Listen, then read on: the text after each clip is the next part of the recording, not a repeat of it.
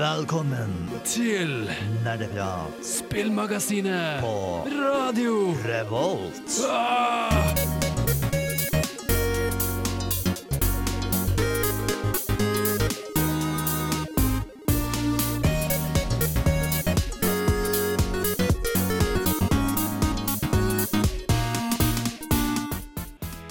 Hei og velkommen alle og enhver til en ny episode med Nerdeprat. Yes! Vi er tilbake. Så deilig det er å stå i studio i dag igjen. Ehm, etter en lang juleferie så er vi nå uthvilt og klare for ny sending. Jeg er da Håkon. Jeg er deres programleder som vanlig. Og på teknikk så har vi Bård. Vi har også med Tai. Og en retur. En klassisk eh, nerdeprater. En eh, gammel farer. Hva, hva er uttrykket jeg leter etter? Jeg husker ikke helt. En gammel traver. Eh, gammel traver, ja. Eh, spill av trompetene. Vi har Tor Magnus. Hallo, hallo, hallo. Det er godt å være her. Det er veldig hyggelig å ha deg tilbake igjen. Eh, Tor Magnus skal bli med oss eh, på Nerdeprat dette semesteret. Så kanskje neste år. Vi får se. Um, uansett, eh, vi kommer til å få høre mer fra deg, Tor Magnus, fordi det er veldig lenge siden du har vært med. Eller ja, en stund siden. i Ja, hvert fall. en stund. Um, det har vært en 14 år nå, tror jeg. Altså. Men eh, vi skal ikke dvele noe lenger på det. Vi skal høre det etter vi har hørt en låt. Halla, snupper. Vil du være med og høre på nerdprat, eller? OK, her kommer vi! Vi er tilbake, og vi skal gå over til hva vi har gjort siden sist. Eh, her er det jo naturlig å starte med TM, som ikke har vært her på en stund. Det har vært en stund, ja. Mm. Uh, herregud, hvor lenge har det vært? Er det sånn halvt, ett og et halvt, to år, kanskje? Vet Du, ikke. du var med på en liten sending vi hadde om survival-spill. Ja, Um, men det var vel eh, høsten 2019, tror jeg. det høres riktig ut, Ja, ja. Så det er, det er ganske lenge siden.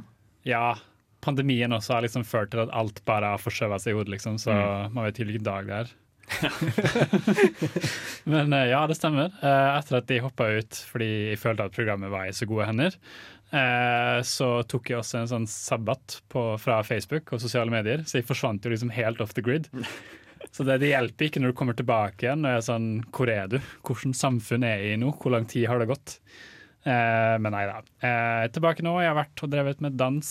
Eh, danset en del West Coast swing. Oi. Fokusert på skole. Eh, jeg må jo prøve å gjøre det òg en gang i livet. Eh, lese litt Ja. og finne ut at oi, man lærer jo faktisk mye hvis man faktisk leser. Eh, så karakterene gjør det jo ganske bra akkurat nå. Så nå skal jeg inn på master i engelsk. Det er veldig spennende. Det er gøy. Så har jeg litt, litt tid å brenne, så derfor er jeg er her. Ja. Fordi dere var veldig snille og ville ha meg tilbake igjen litt. Selvsagt. Det Det er jo koselig. kjempehyggelig å ha deg med igjen. Hva, hva er det du spiller for tida, Tien? Du, det som er så trist, er at jeg får ikke spilt så mye fordi Nå jeg studerer. Um, men det jeg sniker meg til, er å spille litt eh, Fire Emblem på eh, mobilen min, faktisk, på emulator. Å ja, er det å, emulator, ja. Jeg ja, trodde du så det er ikke sånn eh, mobilspill. Heroes. Nei, faktisk ikke. Det er jo jo Gacha de luxe. Ja, nei, jeg er den typen som laster ned emulatorer og liksom spiller gamle spill om igjen, fordi ja, jeg har ikke fått nok de første 14 gangene. Jeg vil helst spille det en gang til, Ja. eh, og har det veldig gøy med det. Jeg spilte det du spiller da? Fire Emblem 7, Ja. som bare heter Fire Emblem, tror jeg, eller The Ja. Blazing Blade eller noe sånt. Um, som ikke er den beste i serien, men uh, den er nostalgisk for meg. Men har du fått sånn der emulatorsykdom? Det er sånn eh, du, kan, altså, du kan jo speede opp alt på emulator. Å, ja. Definitivt. Når du starter spillet, er det på default speed, Mhm.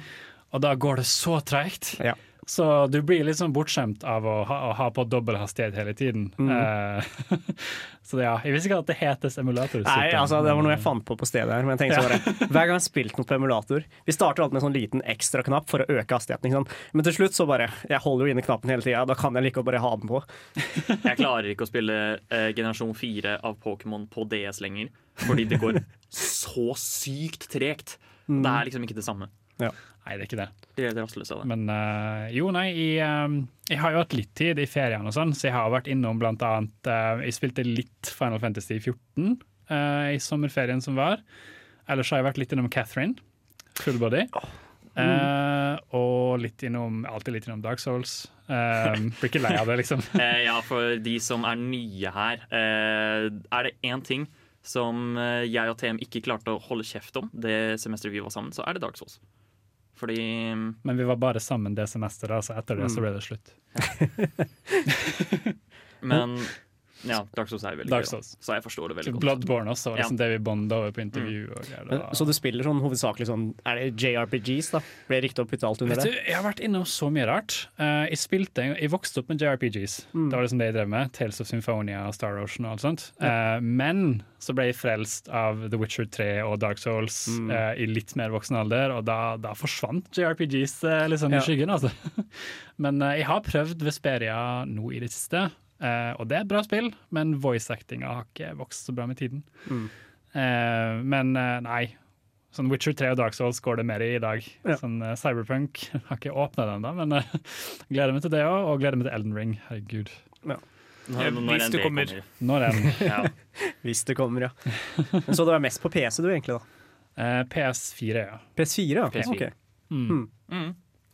Det er veldig bra. Det er flott å høre fra deg igjen. Men du er faktisk ikke den eneste som står i studio her. Det er tre andre mennesker her som også har spilt veldig mye spill.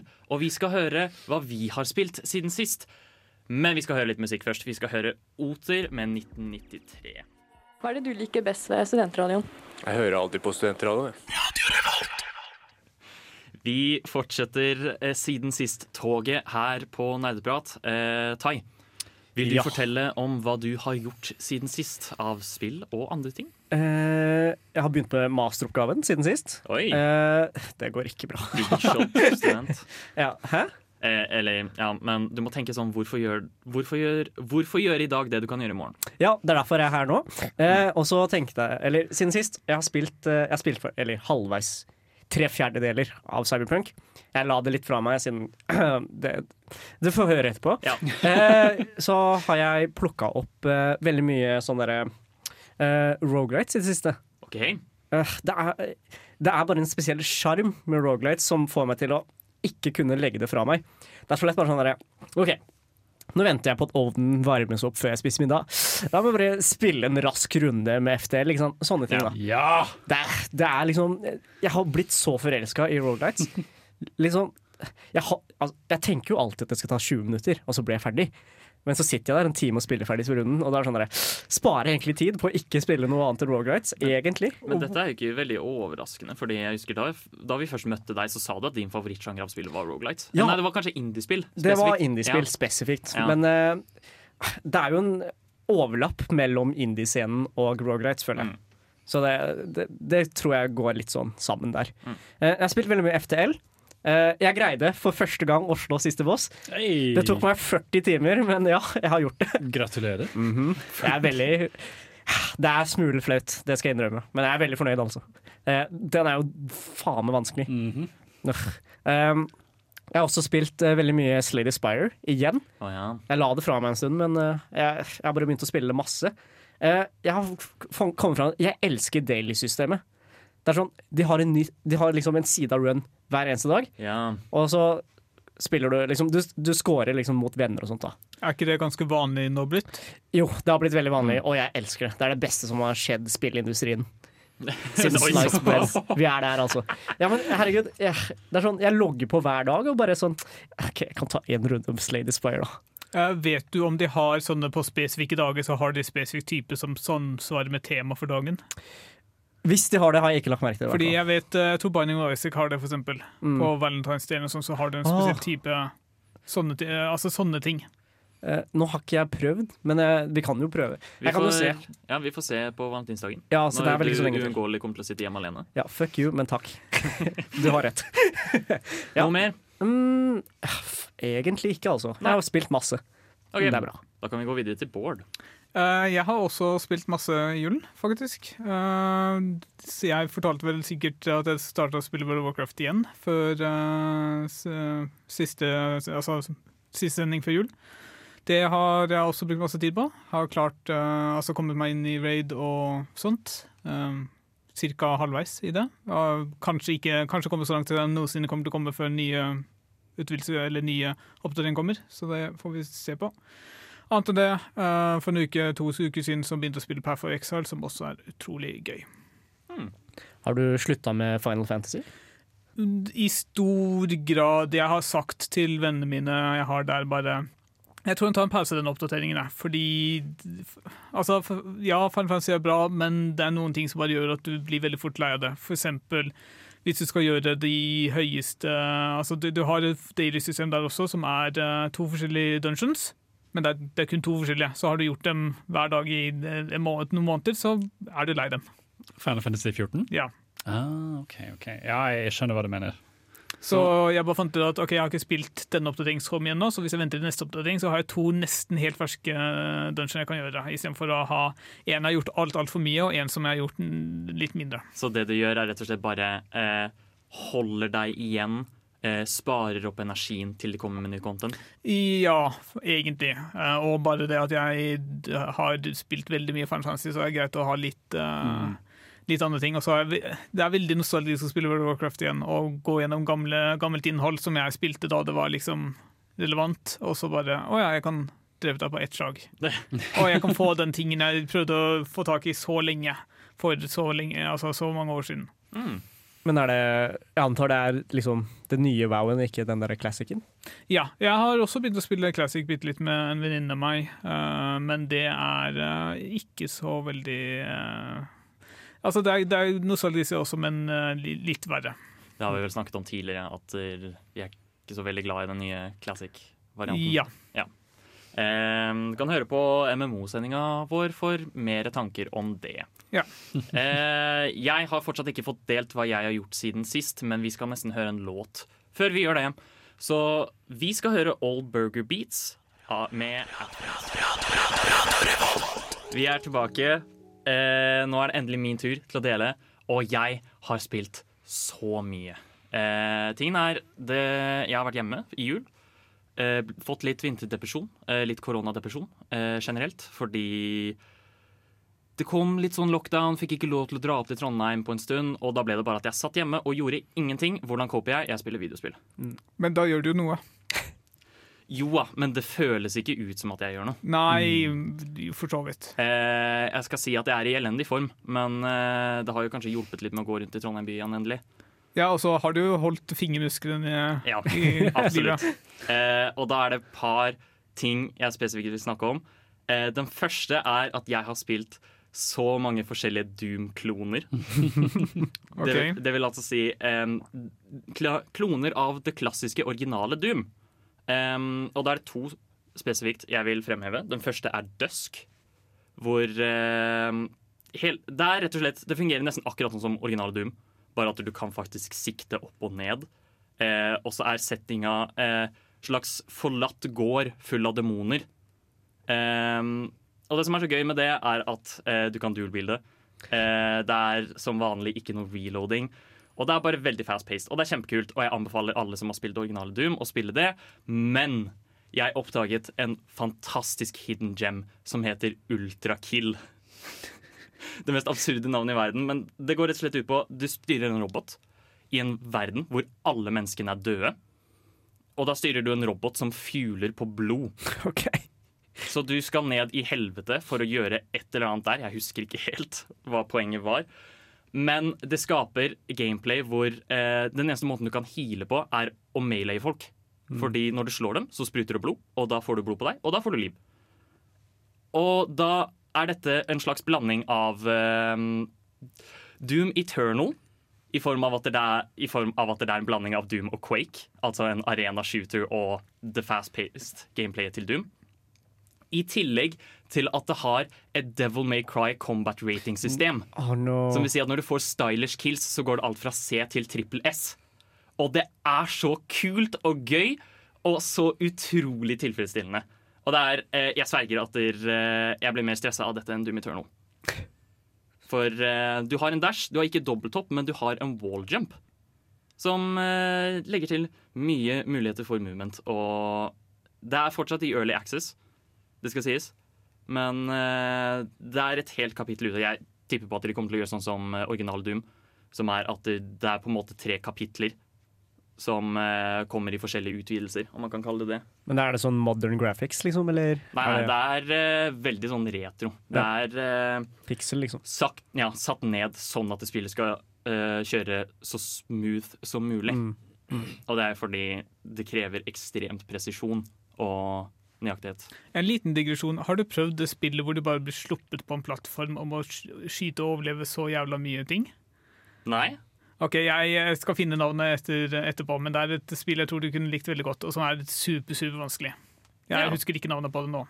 Jeg skal finne det senere. Mm. Gøy.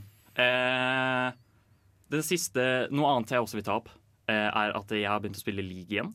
Og da mener jeg ikke League of Legends, okay. selv om jeg har spilt det også. Um, men, men der har jeg gjort en liten sånn taktisk retur på en måte som Bård skal gjøre med Final Fantasy 14 nå. Som er at jeg spilte det ikke på et halvt år, og så kom jeg tilbake til det. Og så var det gøy, fordi det var så mye nye ting jeg ikke visste hva var.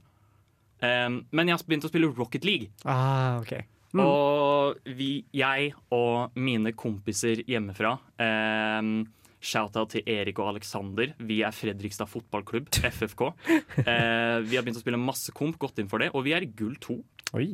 Som eh, er helt average, så vidt jeg har skjønt. For, Eh, for, for oss som ikke kan noe som helst av systemet, hvor høyt opp eller langt ned er det? eh, der, det går fra bronse tr- 1 til sånn Challenger 3. Og da er det bronse, sølv, gull, platinum, diamond, eh, master og Challenger, tror jeg det er. Ok, Så cirka midt på. Cirka gjennomsnittlig, ja. Um, av det jeg skjønte på statistikken, så ligger vi rundt på det nivået som de fleste ligger på. Ja.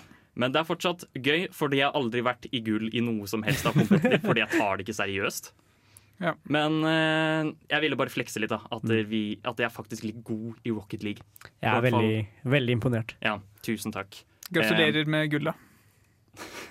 Tusen takk. Vi er i, vi er i Eliteserien. Jeg er veldig beæret for å stå ved siden av en eh, som har gull i Rocket League. Ja. Jeg vet, altså Det er ekstremt smigrende, og jeg setter veldig pris på det. Men eh, vi skal gå videre. Vi skal ikke snakke om eh, fotballspill hvor man styrer biler hele dagen. Um, vi har faktisk også nyheter vi skal gå gjennom, fordi det er jo en liten stund siden vi har gått gjennom det. Men før det så skal vi høre Widmer og Ferdinand Widmer med 'Only You Can Do That'. Nerdenytt.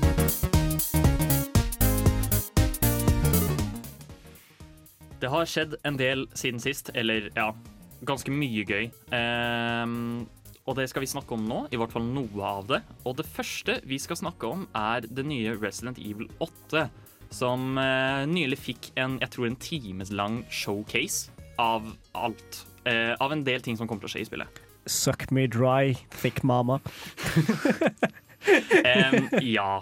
Tingen som de fleste har merket seg, er at den tilsynelatende antagonisten i spillet er en eh, jeg tror to og en halv meter høy dame som har ganske svære mugger og er vampyr. Eh, kledd litt sånn classy, så folk har da klikka helt og er sånn Hvordan skal jeg eh, være redd når eh, jeg bare vil bli trå tråkka på av disse damene hele tiden?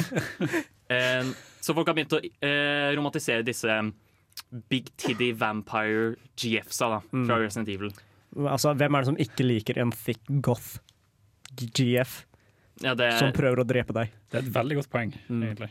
ja, er det ikke derfor de har stemt fram Biden? da? Har han ikke lovt dem det? Hvilket program er vi igjen?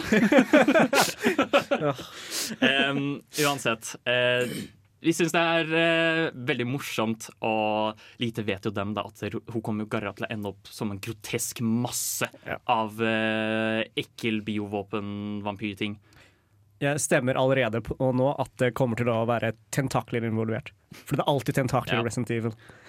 Men det ser, spillet ser i hvert fall veldig lovende ut. Eh, det følger veldig mye av det samme som gjorde Resident Evil 7 så bra. Altså ha en litt sånn ekkel atmosfære, spille på førsteperson, og at du lever deg inn i settingen.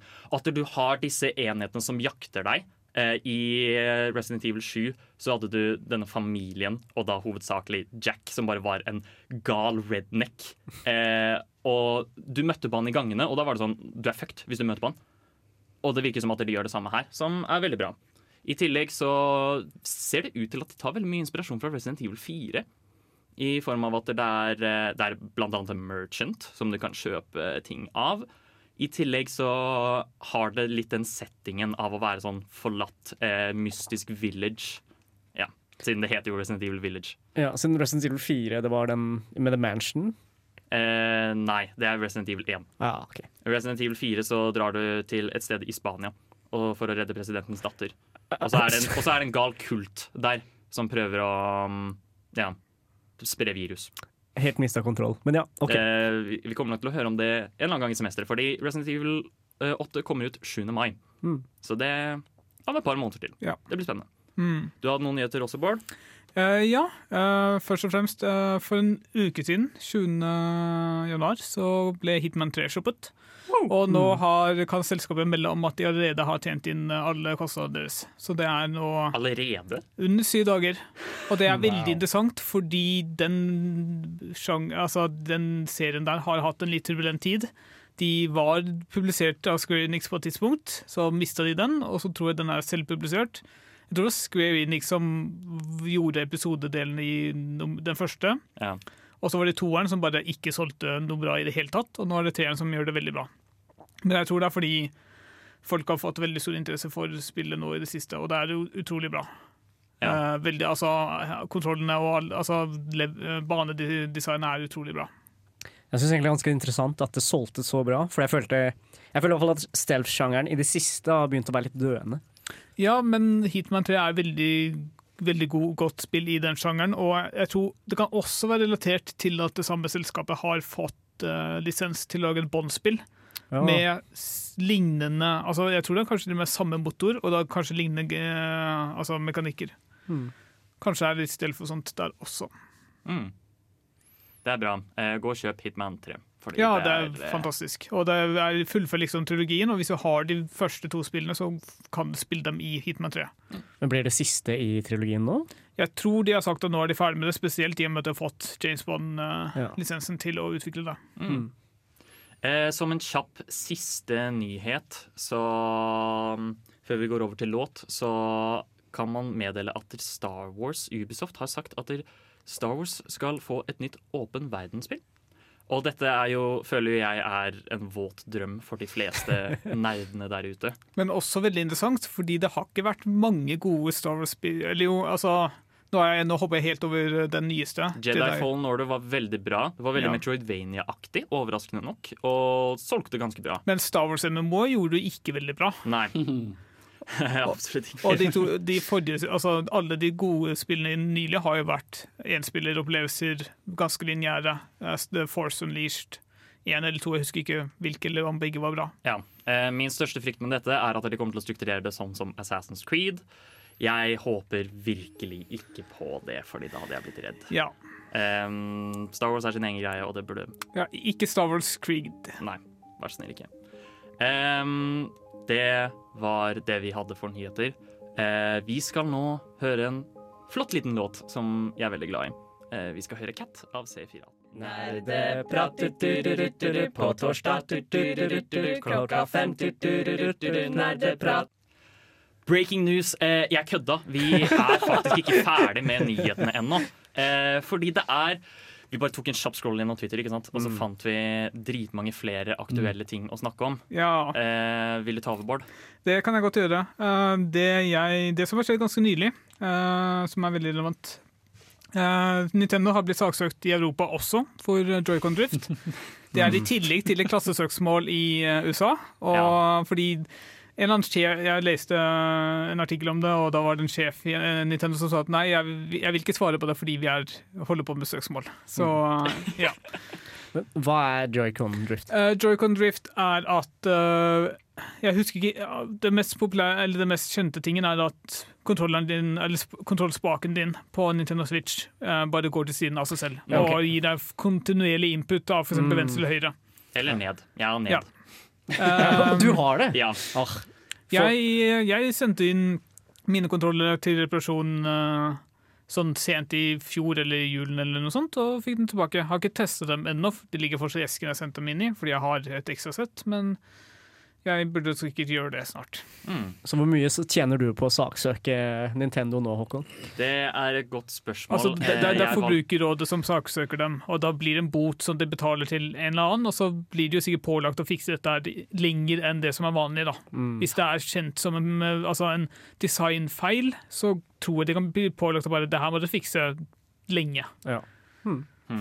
Så jeg kan ikke tjene noe på det. altså. Eh, Visstnok så har Forbrukerrådet i Norge mottatt 25 000 klager bare her i Norge, Oi. og er en av flere eh, land i Europa som da Jeg husker ikke helt om de saksøker eller hva det, det korrekte terminologien er, men i hvert fall de har gått i sak mot Nintendo her i Europa.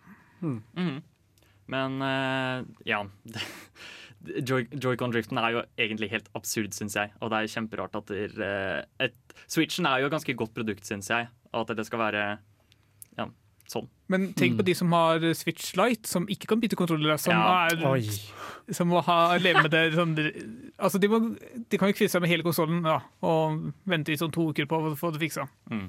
Siden vi også er innom Nintendo allerede nå, så kan det jo også være verdt å nevne at det eh, var det en sak i EU om eh, dette med Nintendo. Fordi Ja, for lenge siden så Ja. um, ble de eh, Fordi de, de gir deg ikke lar deg refundere spill om du har lasta ned spillet, men ikke har mulighet til å kjøpe det ennå. mm, Så hvis du forhåndskjøper et spill på Nintendos e-shop, og du har lastet den, liksom forhåndslasta den ned, så, telles, så teller Nintendo det som at du allerede har fått produktet.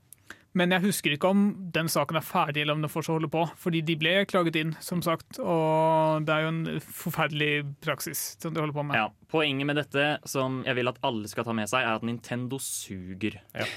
De, de er kun gode på å lage spill, men ikke alle spill er like gode heller. Ja, nettopp.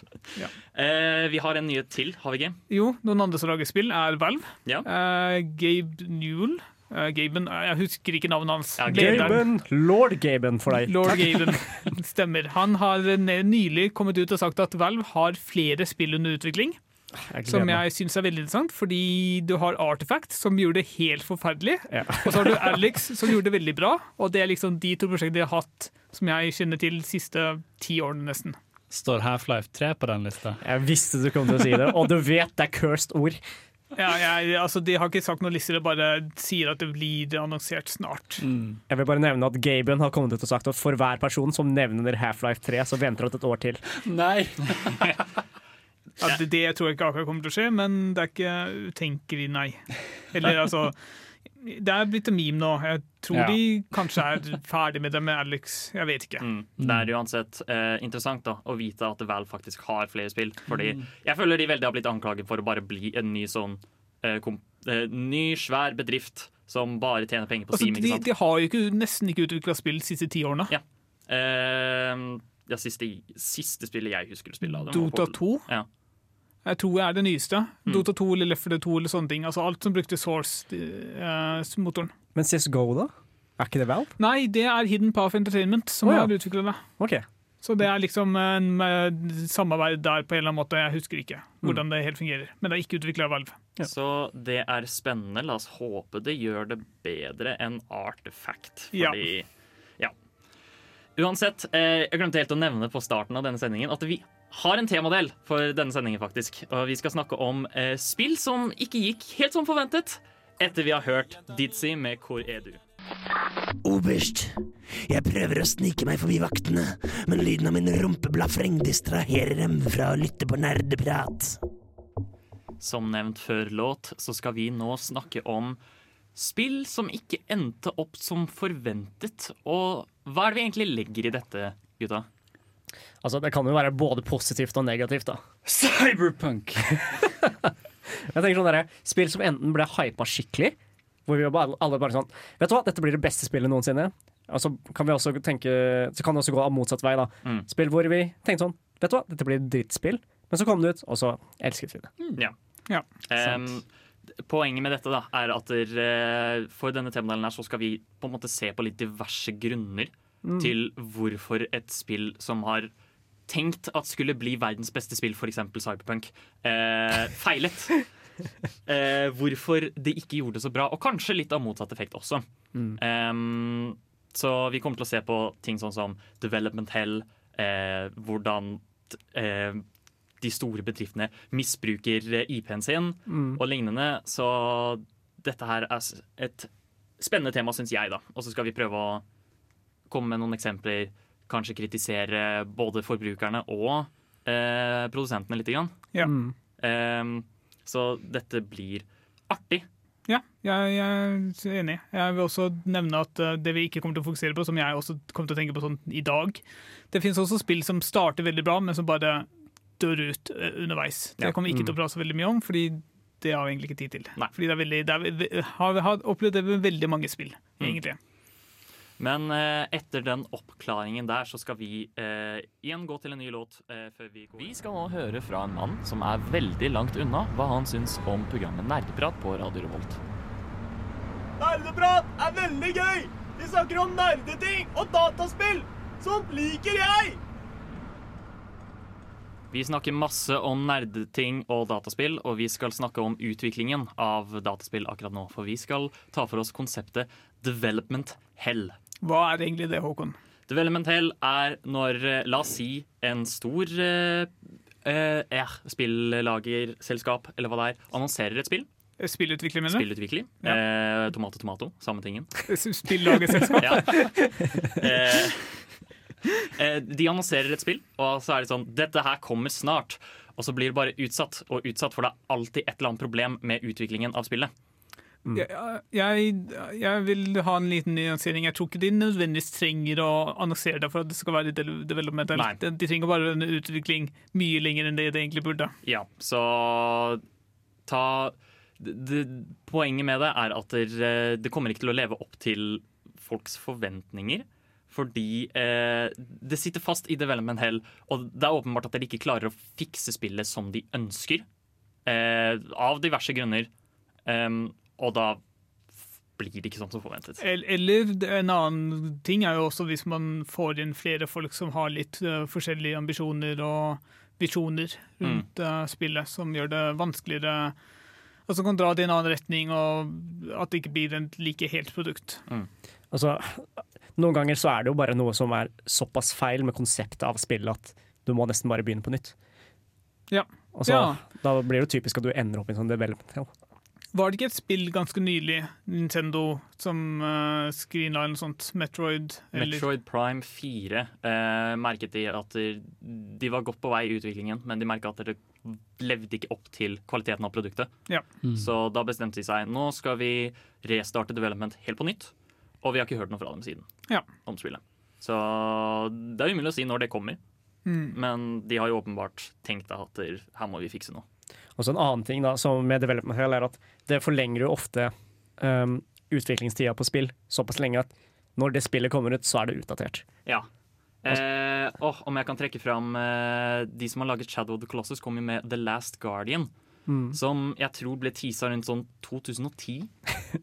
Veldig tidlig, i hvert fall, i, dette, i det forrige tiåret. Og så kom det ut i sånn 2016-17-18 en gang. Og det, det var åpenbart hvorfor det var så lenge i development. Fordi de klarte ikke å fikse AI-en til denne svære hundekjæledyret du har, Trico. Ja. Um, så det er jo ekstremt clunky, og spillet er veldig frustrerende som et resultat, fordi han hører aldri på deg. Og Ja. gjør aldri det du vil at han skal gjøre. Så ja. Ja. Har vi et eksempel på spill som har vært i development hell lengst? Fordi det, altså Jeg kan tenke Duke Nukem, men jeg vet ikke om det er på en måte vinneren. Eh, var ikke Duke Nukem et spill som faktisk gikk fra utvikler til utvikler? Det gjorde det, ja? ja ok. Jeg mener å ha ingen, hørt ville, det. ingen ville ha noe med Nei, det å altså gjøre. Altså, det, Kanskje et et spillstudio gikk under, eller noe sånt, eller at det bytta eiere, Mm. lignende. Så hver gang jeg tenker development hell, så tenker jeg Duke Nukem. Ja, det, er jo, det er the poster child for development hell. Det er jo det. Håkon, har du funnet ut hvor lenge det var under utvikling? Eh, Jeg trodde kanskje det var det du gjorde. Eh, Jeg mener det var over ti år, altså. Altså lenge, lenge, Ja, lenge. lenge. Eh, det var 15 år Ja. så satt Duke Nukem Forever i development. Ja.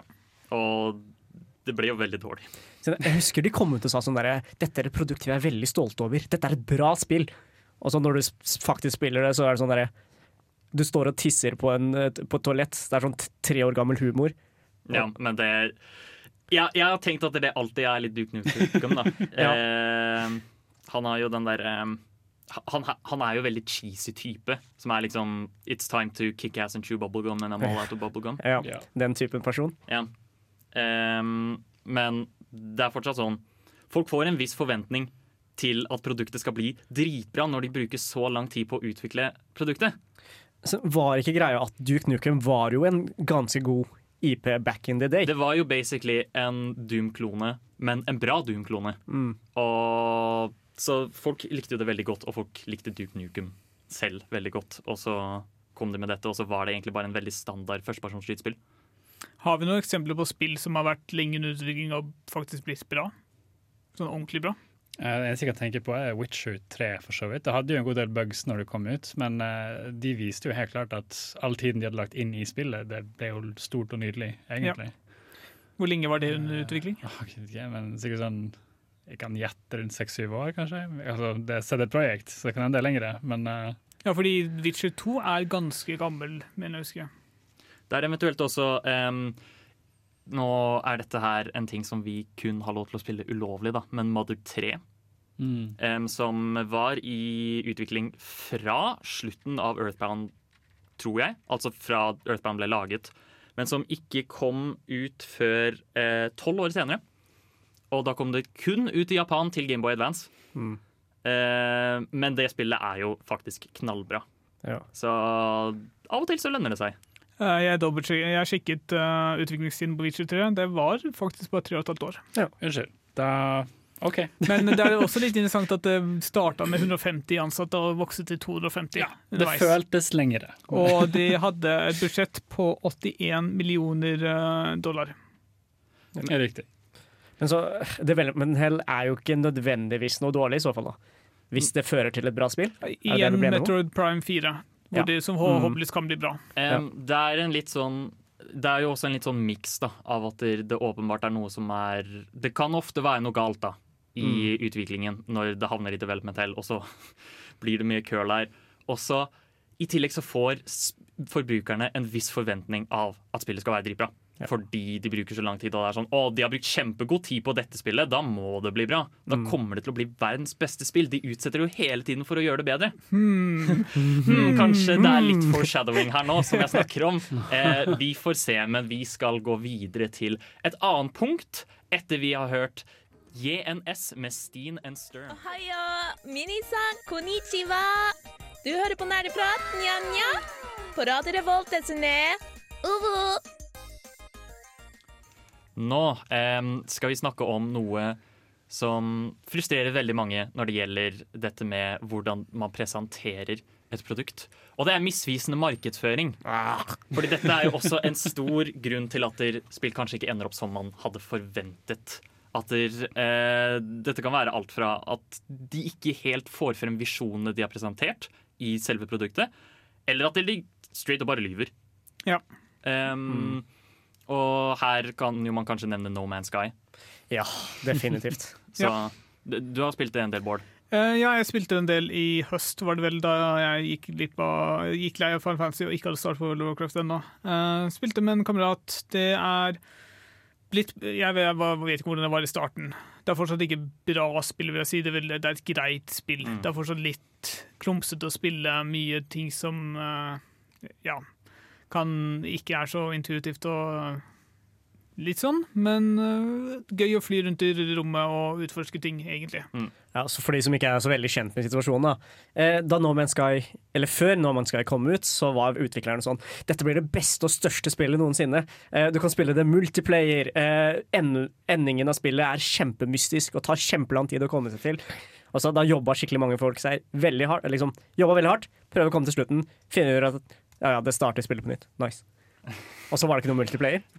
Og halvparten av planetene var brune. Ja, det var vel sånn De lovte at dette var et uendelig univers hvor du Mm. kunne gjøre så sinnssykt mye, og så bare følte spillet veldig tomt ut. Ja.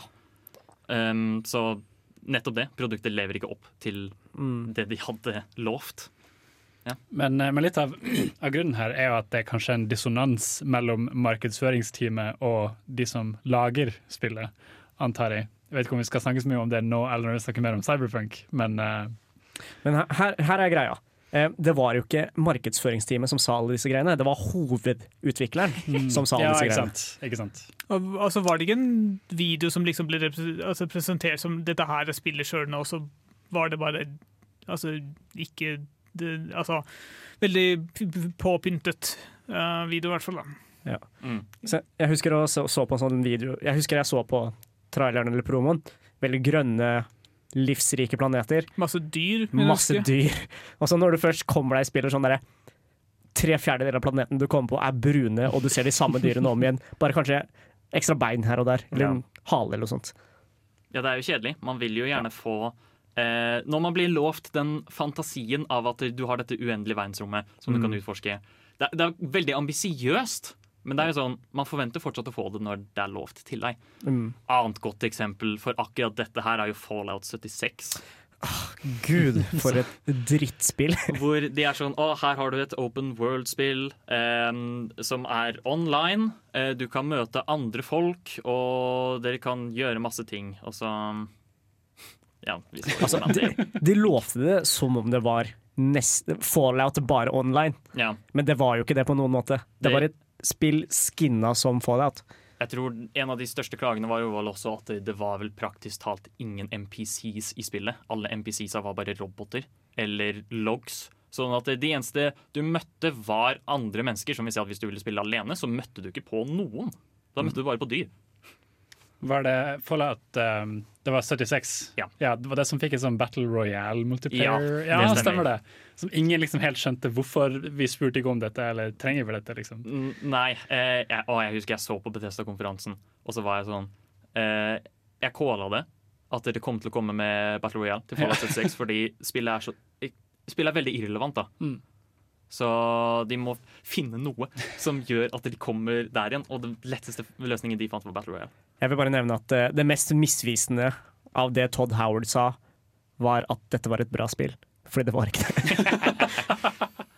Eh, Jeg tror du nevnte tidligere, altså avlufta Håkon, noe om at Skyrim hadde litt misvisende markedsføring i Sky- forkant. Ja, Sky eh, Ja. Er forskjellen her at Skyrim er ikke så dårlig. Nei, så klart Eh, ikke. vi hater kanskje mye på Skyrim her på Nerdeprat, men det er fortsatt et underholdende nok spill. Ja. Em, men en ting som Todd Howard spesifikt sa i markedsføringa til Skyrim, var at det skulle være uendelig quests. Det, det skulle ikke ta slutt. Du skulle kunne spille spillet for alltid. For det kom aldri til å gå tom for quester. Og det er jo straight up lame. Ja. Altså, har de noen ting som kan repeteres, egentlig? Eh, det er sik jeg vet ikke. Er det, bare, er det ikke sånne simple bounty quests som er gå til denne hulen og drep denne personen? Ja, ja, hvor du får 500 gull hver gang du gjør det eller noe? Jeg, jeg tror ikke jeg har sett det heller. Ja. Jeg tror ikke jeg har sett det heller, altså. Um, Det er sikkert mod som gjør det. ja. det er, uansett så er det ikke uendelig quests.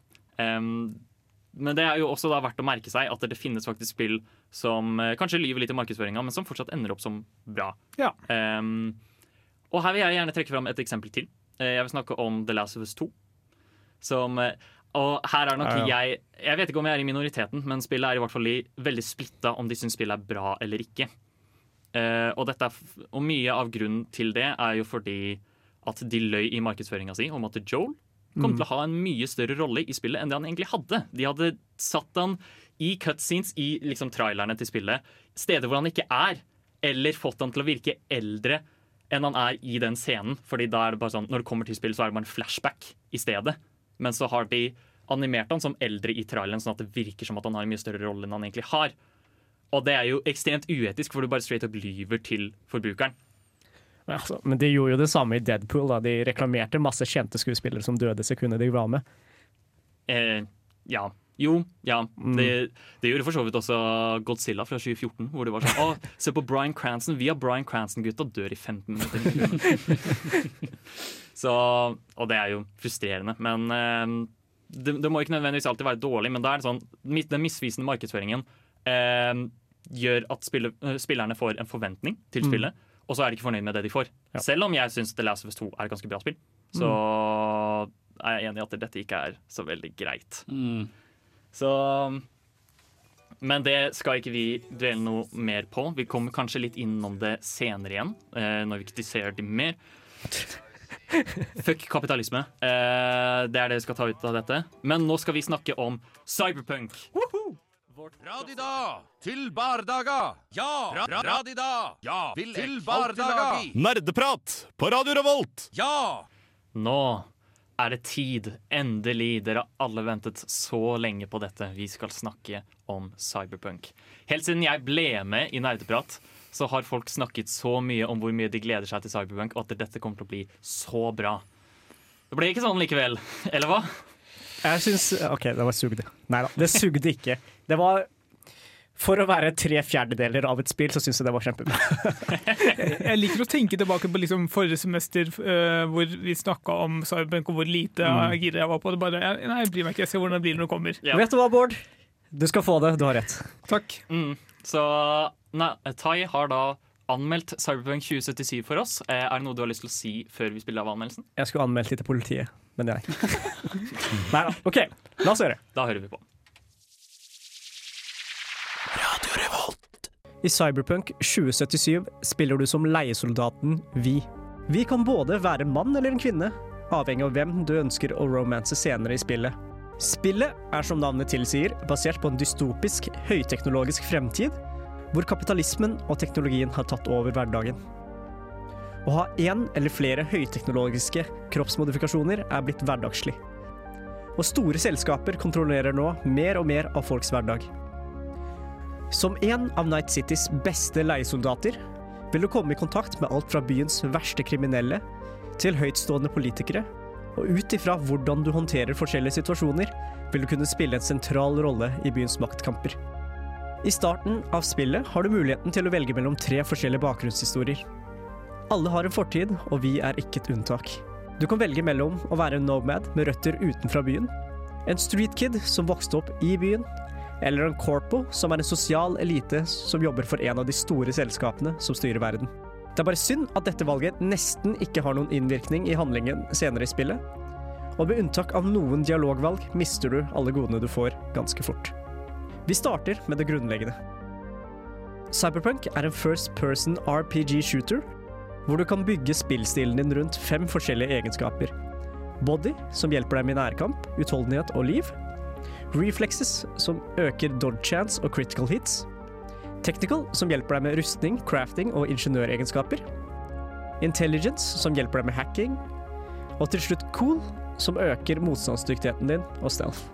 Avhengig av hvordan du leveler karakteren din, vil du kunne åpne eller låse bort forskjellige valg under spillet. Det var opprinnelig også planlagt en sjette skill rundt Flathead-roboten som du kan møte på i promovideoene, men denne ble kuttet bort sammen med mitt ønske om å kunne ha to peniser i Cyberpunk. Underveis vil du kunne finne både skytevåpen med forskjellige egenskaper, som f.eks. smartvåpen som kan sikte av seg selv, eller powervåpen som kan skyte gjennom vegger. Nærkampvåpen som sverd, køller og dødelige dildoer er også mulig å få tak i.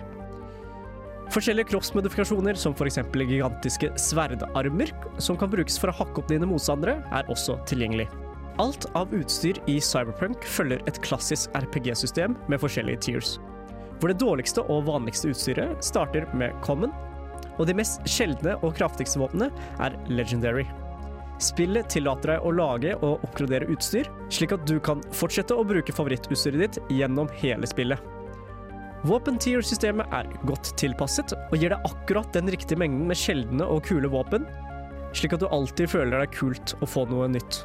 Kampsystemet i Cyberpunk er stort sett veldig tilfredsstillende. For det er utrolig gøy å kunne meie ned store mengder med fiender med en kombinasjon av flere våpen, hacking og taktikker. Spillet gjør en god jobb med å gi fiender forskjellige våpen og kroppsmodifikasjoner, som gjør at de må håndteres på forskjellige måter. Dette gir en variasjon og bredde på fiendene som holder spillet engasjerende. Det er allikevel ikke alt som fungerer som det skal i Cyberpunk. Kampsystemet baserer seg på et tradisjonelt levelingssystem, som gjør det ekstremt vanskelig å drepe fiender som er høyere nivå enn deg selv. Dette uavhengig av hvor bra utstyrt og hvor god taktikk du har. Å slåss mot disse fiendene er som å ta en bit av en murvegg. Det er ubehagelig, og du dør til slutt. Dette fører til mange situasjoner hvor du bare forlater kampen eller ragequitter, fordi den nakne mannen med en klubbe av en eller annen grunn tåler 40 skudd av din legendariske power shotgun. Videre til Quest-systemet i Cyberpunk. Denne er litt hit and miss. Det finnes mange utrolig velskrevne quests og questlines i spillet, og det er stor variasjon av hva som skal gjøres i dem. Questene gir deg også gode belønninger, som alltid gjør det verdt å gjennomføre dem. Noen av questene er allikevel så dårlig designet at du bare vet at de ikke kunne passert en kvalitetssjekk. Et eksempel på dette er questlinen du får tidlig i spillet, som heter Beat the Brat, som handler om å vinne en rekke slåsskamper uten våpen. Det eneste jeg kan si om denne questlinen, er at det er et totalt vrak. Selv om jeg ventet til endgame og brukte en glitch for å kunne bruke våpen under slåsskampen, var det umulig for meg å gjennomføre questen. Jeg måtte slå dem over 100 ganger i hodet med en legendarisk dildo, mens de bare kunne børste borti meg for at jeg skulle dø. Et raskt søk på internett viste også at det var mange andre som slet med det samme, noe som tyder på at det ikke bare var jeg som slet med dette. På den andre siden var det også noen andre quests som var utrolig gøye å gjennomføre, men disse var verken lange nok eller utdypende nok. Dette ga meg en følelse av frustrasjon over potensialet som CD Project Red sløser ved å ikke bruke nok tid på å utvikle spillet ordentlig. Det er ingen hemmelighet at Cyberpunk 2077 er et bug i helvete. Det er ofte at en hendelse som ikke skjer, eller en fiende som ikke dør, fører til at questen ikke kan gjennomføres. Dette gir dog spillet en følelse av spenning, da du aldri vet om du kan levere en quest eller ikke. De magiske bugsene i Cyberpunk 2077 handlet ikke bare om gameplayet. I en av de største bøkene før jul kunne saven din bli irreversibelt korrupt dersom den ble større enn 8 megabyte, som er en jævlig dum ting når savestørrelsen din økte for hver gang du plukket opp et item eller craftet noe i spillet. Jeg skal ikke lyve og si at Cyberpunk er et perfekt spill på noen måte. Jeg skal heller ikke si at Cyberpunk på noen måte er et ferdig spill. Men det jeg kan si, er at det er et spill med mye potensial. Handlingen i spillet er fengende, gameplayet er engasjerende, og muligheten for å tilpasse penisstørrelsen din er mildt sagt revolusjonerende. Til tross for dette er det for mye av spillet som fortsatt mangler, eller som rett og slett er ødelagt for at jeg kunne anbefale deg til å kjøpe det nå. Jeg vil heller anbefale deg til å vente på Game of the Year Edition før du tar kjøpet. Da fikk vi høre den. Eh, tusen takk for det, Tai. Det, det var eh, veldig bra. Eh, mye snakk om penis og dildo, som naturligvis eh, skjer i et slikt spill som dette. Ja, altså eh, Det var veldig uforventa å få en dildo. Det, det, det bare kom. Det virker veldig tøysete eh, til tider, og det er jo der hvor jeg er litt sånn Cyberpunk hadde mye Mm. potensial. Eh, at du kan fuckings bare få knivblader som armer, liksom. Det var jævlig kult å få. Men tingen er at det var så Jeg tenkte at jeg har lyst på knivarmer. Så da sparte jeg alle pengene mine og brukte knivarmer. Men så kom jeg til den jævla questen som jeg snakka om, som jeg ikke fikk til å spille. da Så jeg, på det punktet hadde jeg solgt alle milivåpnene mine. Men så trengte jeg et milivåpen, og så hadde jeg bare dildoen igjen. i min. så da, da brukte jeg nesten en halvtime på å slå i hjel en dude med en dildo. Det var surrealistisk, altså. Mm. Eh, men det, Så vidt jeg har forstått, så spillet tar et veldig sånn kontroversielt valg for et så åpen og stor RPG. Og det er rett og slett at det hvis Er det ikke sånn at det enkelte questlines blir helt låst vekk hvis du gjør spesifikke ting? Eh, sentrale quests tror jeg faktisk ikke det, altså. Nei. Så det er ikke det er ikke så Det er ikke så branchet som de påstår at det er, altså. Eh, Det er jo ikke noe nytt at CD Projekt Red gjør det. Eh, Du hadde Witcher 3. Hvis du gjorde visse ting underveis, så kunne du, var det en person som f.eks. kunne dø underveis, no. som du ikke møtte igjen senere. Så det er ikke helt uh, nytt. Mm. Eh, et spørsmål til deg, Tai. Du sa at uh, du måtte velge skjønn i starten, og det påvirker hvem du kunne ha romanse med. Ja, eh, jeg vet ikke om de har endra på det, men på starten så var det slik at eh, ut ifra hvilket kjønn du velger, så er, så, siden du har sånne flere romance options som du møter på spillet, da. Eh, hvis du var eh, mann, så kunne du velge, eh, møte på Panam. Eh, og hvis du var dame, så kunne du velge Judy. OK. Jeg, bare, jeg bare skjønner ikke hvorfor i dagens samfunn Hvorfor lar de ikke bare kjønn være irrelevant? Det er et godt spørsmål, men eh, de gir i hvert fall mulighet til å spille spillet på nytt. da Siden Neste gang jeg kommer til å spille gjennom, så skal jeg spille gjennom som dame. Mm.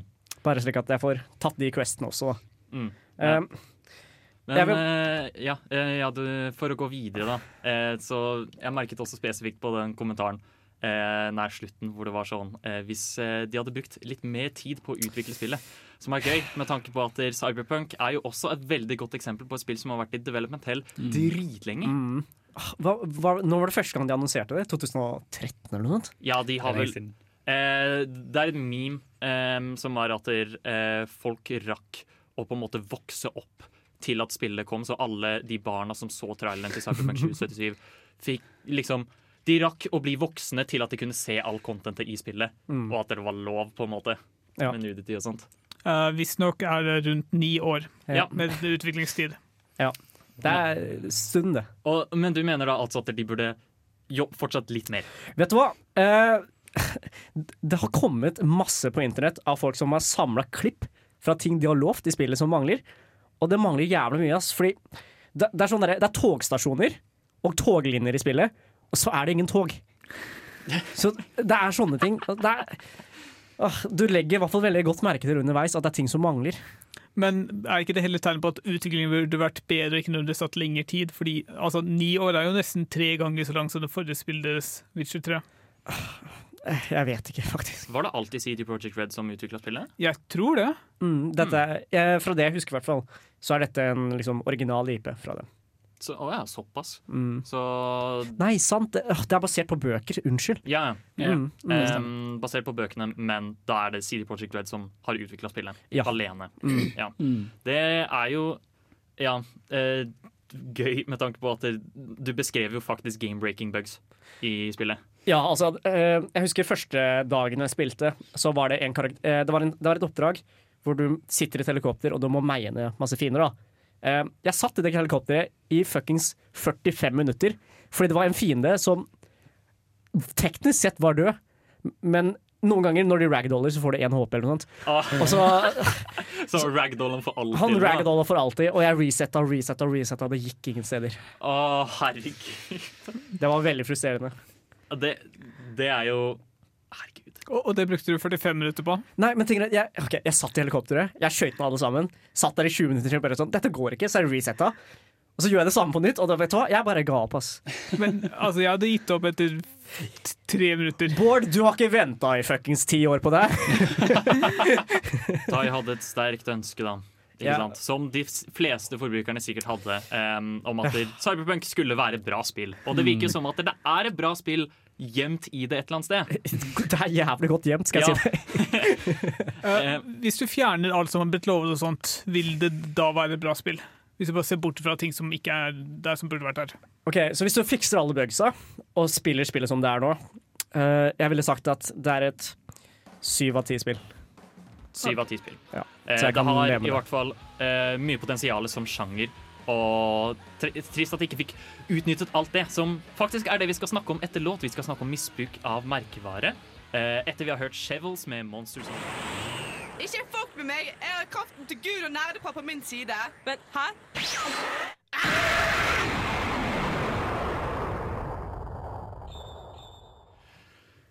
Det har seg slik at det er enkelte store spillutviklere som kanskje ikke helt ser potensialet i det spillet de lager, eller eh, produktet de ja, lager. Og det er nettopp det vi skal snakke om nå, som en grunn til at et spill kanskje ikke ender opp som forventet. Nettopp det at de misbruker merkevaren sin. Mm. Um, dette vil altså si at de kanskje ikke leverer et produkt som man hadde forventet av kvaliteten, av hvor stort det er. Det er sånn, det er sånn type spill hvor forgjengerne var gode, og de har etablert seg en viss rykte. Mm. Og så bare baserer spillutviklerne og sånn. Vet du hva, siden det er et Pokémon-spill, så kommer alle til å spille. Ja. Eh, ikke nødvendigvis bare hvor gode de er, men også hvordan de spilles. Altså Mm. Hvis du tar et eh, som en merkevare og så lager et helt annen type spill, så vil det da skape litt forvirring og litt dårlige forventninger. Et eksempel på hvordan det blir håndtert bra, er jo Bloodborne, som har veldig annen spillside enn Dark Souls, og derfor burde ha sitt eget navn, og ikke være en oppfyller til Dark Souls. For eksempel. ja. det må jo ikke nødvendigvis være en negativ ting, kommer jeg på nå. Siden um, Resident Evil har vel gått gjennom veldig mange personer. Um, Ja. Siden det startet vel som et skrekkspill, Mm. så ble det til et action-skrekkspill. Eh, ja, survival horror eller, Det startet som survival horror, og nå har det blitt veldig mye mer action. Ja. Lite horror-elementer i det. Mm. Det er for det er skummelt som faen. det, det er, nå, nå er det mest egentlig bare ekle ting. Ja. Eh, og at det er skummelt fordi du blir jaget, men det er bare action og eksplosjoner overalt. Mm. Um, eller det var i hvert fall retningen det gikk før Resident Evil 7 kom ut. Ja, siden de har snudd veldig der, altså. Ja, nå har de gått tilbake til røttene sine, men samtidig endret spillet til førsteperson. Men det er fortsatt ganske fint. Ja, siden jeg syns Resident Evil er jo en serie som har gjort dette jævlig bra. Ja. Så de Telles det fortsatt som misbruk av merkevare nå, syns du? Eh, jeg vil jo heller si at kanskje det tidligere var misbruk av merkevare når de prøvde bare La oss beholde et kult navn som folk liker, og bare gjøre spill til noe som vi tror er mer appellerende til den store befolkningen, og så bare kalle det det. For litt sånn misbruk, eh, da kommer jo på litt som du nevnte her forleden, Håkon, at med Pokémon da, for eksempel, så er ikke spillet lenger fokuset. Nei. Sant? Det er det at de vil heller bruke spillet for å få folk til å kjøpe de andre produktene deres. Ja, det, um, spillet har på en måte vært hovedgreia til Pokémon, i hvert fall Mm. i starten, men det er ikke det nå lenger, fordi de tjener så mye mer penger på alle disse figurene og Pokémon-kortet. Så eneste funksjonen til Pokémon-spillene nå er å få nye Pokémon til Mm. å eksistere, fordi det er der de introduserer dem. Så spillet blir rusha, fordi, og da Pokémon Sword and Shield er et veldig godt eksempel på dette. Og det var fordi eh, det kom ut sånn november eh, 2019. Og så pusha de ut eh, serien som skulle følge med Sword and Shield, liksom TV-serien, en uke etterpå. Mm. Som vil si at eh, de måtte rekke å fullføre spillet innen den deadlinen. Som gjorde at vi fikk et veldig lite minneverdig produkt fra Pokémon. Hvorfor måtte de ha spillet ut før serien? Fordi de, du skal rekke å bli kjent med alle de nye Pokémonene, på en måte. Men kan du ikke bli kjent med Pokémonene gjennom serien og så spille spillet? Nei. Jeg tror ikke det er sånn logikk de følger, fordi det skal introduseres gjennom spillet. Okay. Er sånn de har fulgt det. Ja.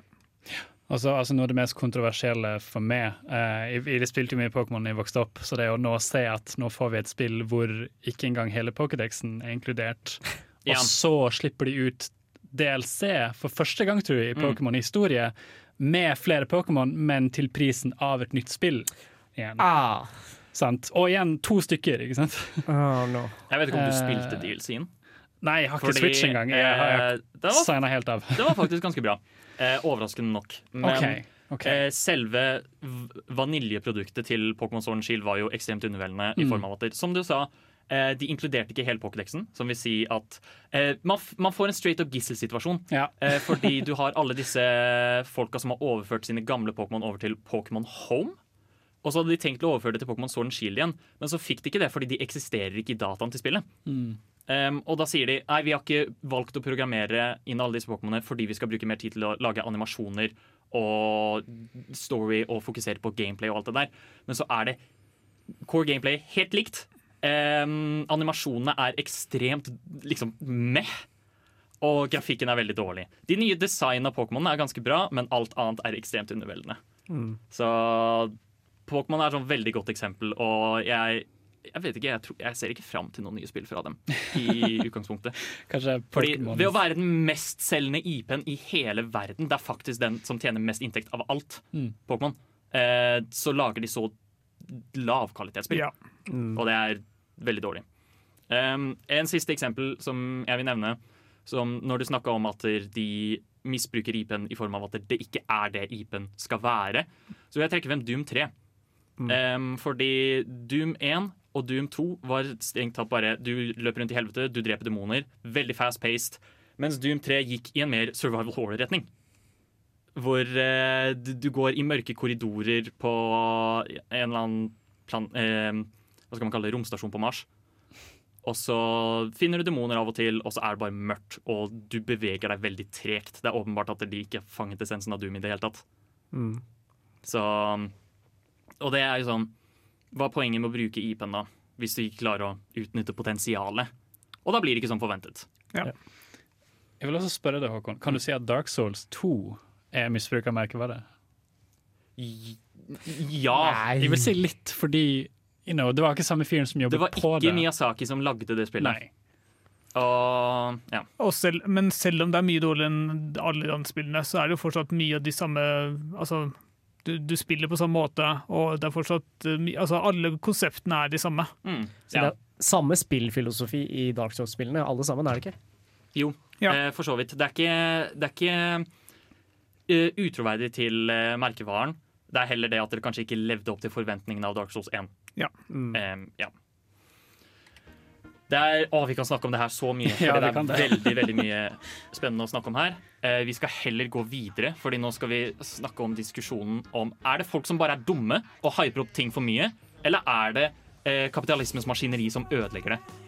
Etter vi har hørt Oscar Soul Experience med What You Want. Mitt navn er Bare Egil. Du hører på radio Revolt på internettmaskinen din. Nå er det på tide med debatt. Um, vi har snakket mye om grunner til hvorfor spill er underveldende. Um, Ikke, ikke er som forventet. ja, ikke er som forventet. Uh, godt bra rettelse der. Uh, retting. Uh, korrektur. eh, men det det i kjernen går ned til, som regel, er enten spillutviklerne eller forbrukerne. Hvem har skylda for at det ikke blir som forventet, holdt jeg på å si? Jeg vil påstå at det varierer. Ja. Det varierer. ja. eh, fordi hvis du eksempel ser på eh, la oss si Diablo Immortal HD, okay. det var ikke vårt problem. fordi eh, når Blizzard kommer ut og sier at her har vi et Diablo, nytt Diablo-spill til dere, skikkelig gira, alle er på toppen av gira, så sier de det er på mobilen. Nå, nå skal det sies at Diablo 4 er også en utvikling, da. Ja, men når de si kommer og sier vi har et nytt Diablo-spill til dere, så er ikke det helt det jeg tenkte på. Nei, for så vidt. Var det ikke også da de sa etterpå Men har dere ikke alle mobiler? Da? Jo. Ja. Ja. ja, det stemmer helt. Nei, nei, nei, nei, nei, Så. I dette tilfellet så vil jeg faktisk argumentere med at det er utvikleren sin skyld. Mm. Det, ja, det er jo veldig sjelden bare svart på hvitt. Altså, jeg vil si det er, Som regel er uh, utvikleren sin skyld, nesten. Altså, det er oftere at det er misvisende markedsføring, eller at man ikke lever her, altså, at man misbruker merkevaren, enn at noen bare ikke har lest seg godt nok opp. Mm. Selv om det også skjer, da. Ja, fordi jeg vil egentlig argumentere for at det er litt mer forbrukeren. Fordi det blir jo en slags sånn eh, ond sirkel her, hvor eh, forbrukerne får eh, markedsføring, reklame, blir hypet opp, og så begynner de å spørre etter mer og mer, sant? og så går det i en sånn sirkel hvor kanskje begge begynner å hype opp hverandre.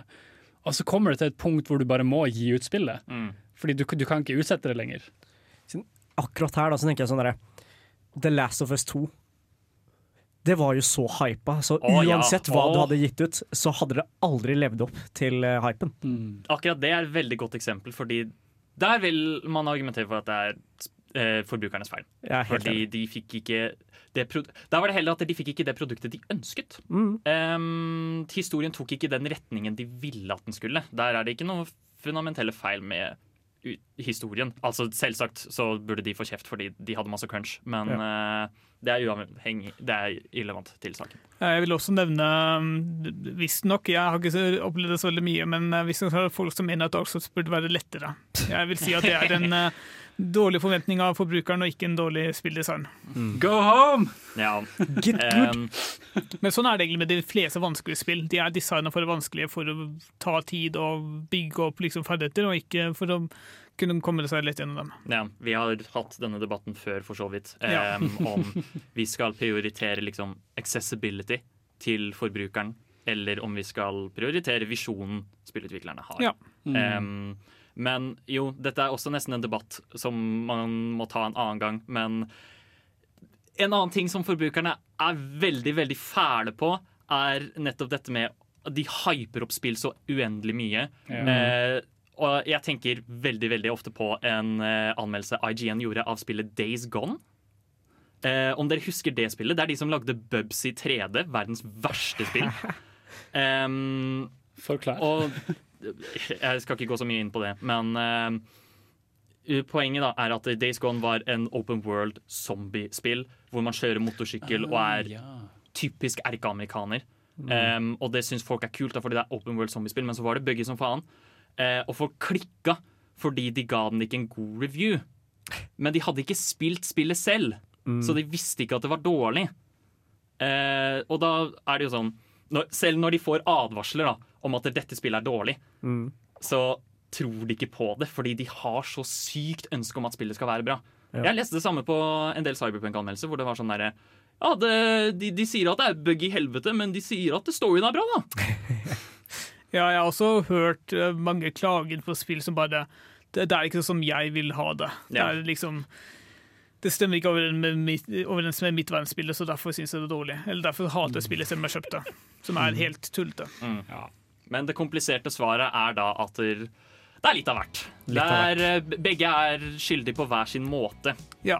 Um, de spillutviklerne er kan ofte ikke levere produktet de skal. Ikke hypespill, ikke forhåndsbestill. Ja, det er Aldri essensen. forhåndsbestill. Um, da var vi ferdig med temadelen, men ikke gå noe sted, fordi vi skal straks høre en anbefaling fra oss i Nerdprat etter vi har hørt Sweet Trip med Walkers Beware, We Drive Into The Sun.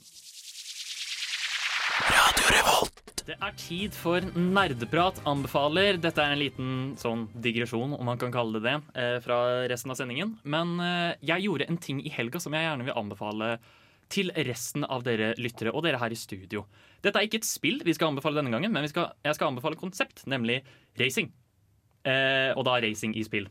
Em, jeg og romkameraten min, på lørdag så raca vi gjennom Super Mario Sunshine. Eh, På Switch, eller? På, vi gjorde det på Switch. Ja.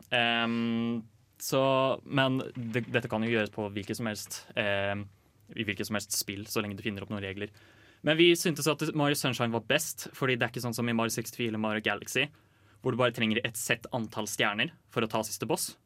Um, og da kan du jo bare ta de korteste oppdraga, som regel. Ja. Mens i Mario Sunshine så er jo minstekravet at du må fullføre alle oppdrag i hver verden. Ok. Som vil si at du bare Alle må gjøre de samme shinesa for å kunne ta siste boss. Ja. Og Så da- det er egentlig tilsvarende et 100% run av hvilket samspill. Eh, ja. Em, og da blir det jo men, men poenget er at du trenger bare 50 shines. Eh, fordi du må bare fullføre oppdrag 1 til 8 Ok. i, hver, i hver verden. Og så har du bonusoppdrag og sånt. Hæ? Så har du bonusoppdrag som du ikke da gjør. Ja, du trenger ikke å gjøre det. Sånn som for eksempel, Du trenger ikke å samle blue coins i det hele tatt. Riktig. Um, og vi syntes at det var best, fordi da er man på lik linje. Da er det faktisk den som er best og raskest.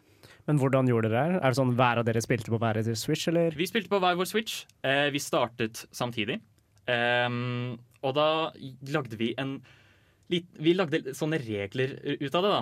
Um, og da spesifikt så hadde vi tre lifelines. Spillet var jo ikke så lenge. Når det er sagt, eh, vi rakk ikke å fullføre spillet. Um, fordi eh, vi spilte i tre timer, og så gikk switchen vår tom for strøm. Ja. ja. Um, Dokking? ja, men vi, det var ikke så lett. Fordi vi, vi har litt sånn små rom, ikke sant? så det var vanskelig å få plass til alt på samme sted. Og så hadde det vært urettferdig om jeg hadde hatt en dokka, mens, to, øh, mens romkameraten min Thomas ikke hadde hatt det. ikke sant? Mm. Han har jo ikke TV, så han kan ikke se på det sånn. Ja. Så vi gjorde det rettferdig. Mm. Vi var begge undocked. Men poenget, da. Eh, vi hadde lifelines som man kunne aktivere når som helst for å gjøre det litt mer spennende. Eh, disse tre lifelinesa var først aktiv dødshjelp. Som vil si eh, at når man aktiverer den, så må motstanderen drepe seg selv in Oi. game. Oi. Ikke, ikke, på, ikke virkeligheten. Um, og så hadde vi switcheroo. Eh, gøy, fordi der du holder switch. Eh, ikke sant? Um, hvor du tar den høyre joyconen i venstre hånd og motsatt, og så spiller du sånn i fem minutter. Mm. Den siste var eh, Floodless, hvor eh, i Mario Sunshine så har du denne vannkanonen som heter Flood, og den Mm. har en modus som heter Hover Nozzle, em, som fungerer som en jetpack. Og Floodless betyr bare at du kan ikke bruke den modusen på fem minutter. Ok. Som gjør egentlig plattformingutfordringer veldig mye vanskeligere. Men så, øh, disse øh, liksom, hjelpelinjene, er det én gang du kan bruke det? da? Du kan bruke det én gang. Eh, vi gjorde en liten sånn kjapp avgjørelse fordi Thomas fikk game over på et tidspunkt. Ok. Som sendte han veldig langt tilbake fordi han hadde ikke sava. Mm. Og for å gjøre det litt mer spennende da, så ga vi han et sett til med lifelines. Ja. Så det kan man jo eventuelt vurdere å gjøre. Vi hadde også et par ekstra ting fordi, um, for å si det sånn, da, vi tok oss et par øl til det her samtidig. eh, så da lagde vi et par em, drikkeregler, om man kan kalle det det. Hvor eh, du, du tar deg en slurk for hver femte shine du får, eh, hver gang du dør, og så tar du eh, to slurker hvis du får game over. Og til slutt, for å liksom da få inn denne blue coinsa som virker helt irrelevant, så kan du gi bort sluket for hver blue coin du samler. Ja, ok. Mm. Så, og vi hadde det kjempegøy med dette. Eh, anbefaler å spille det. For øvrig så kan jeg informere om at jeg vant. Eh, av så langt vi kom. Eh, jeg fikk 35 shines av eh, så lenge vi klarte å spille, mens Thomas fikk 23. Ja. Så jeg gruste han. Gratulerer. Ikke utfordr meg i Mario-spill, fordi jeg er kjempegod i videospill. Jeg er veldig bæret av å stå ved siden av en som har både gull i eh, Rocket League og som vant i dette racet. Ja, ikke sant. Men eh, det, det var min lille anbefaling eh, her på Nerdeprat. Eh, kjempegøy. Dette, kan, dette er veldig fleksibelt, så dere kan gjøre det i flere ting enn Mario Sunshine. Men prøv det ut. Det er kjempegøy. Vi er straks ferdig, ehm, men vi skal høre litt musikk. Vi skal høre Shame med Nigel Hitter. Da var vi ferdig med årets første sending, faktisk. Um, hva syns vi da, hvordan syns vi det har vært? Det er gøy å komme tilbake. Som forventet. Som forventet. Uh, vær litt mer positiv da, Bård. Jeg, har, jeg hadde gode forventninger. Ja, uh, Ja. det er bra. Um, det har vært veldig deilig å være tilbake i studio. Jeg syns vi har fått ganske, ganske gode diskurser. Og om du har lyst til å bli med oss i studio for å være med på disse spenstige diskursene, så har Nerdeprat opptak på Samfunnet Yay. akkurat nå. Så hvis du har lyst til å bli med oss på dette, så bør du søke. Om du er mildt interessert i spill, eh, om du syns spill er fett, så bør du søke. Men Håkon, når er fristen for å søke? Eh, fristen for å søke er eh, 29. januar, altså i morgen. Så søk nå. Du, du hører på, du må søke. Gjør det. Vær så snill. Det var alt for i dag. Um, nå skal vi høre en låt. Vi skal høre Jess Ebel med 'You'll Get Over It'. Ha det bra. Ha det bra. Du lyttet nettopp til en podkast fra Radio Revolt. For å høre flere av våre podkaster, gå inn på radiorevolt.no.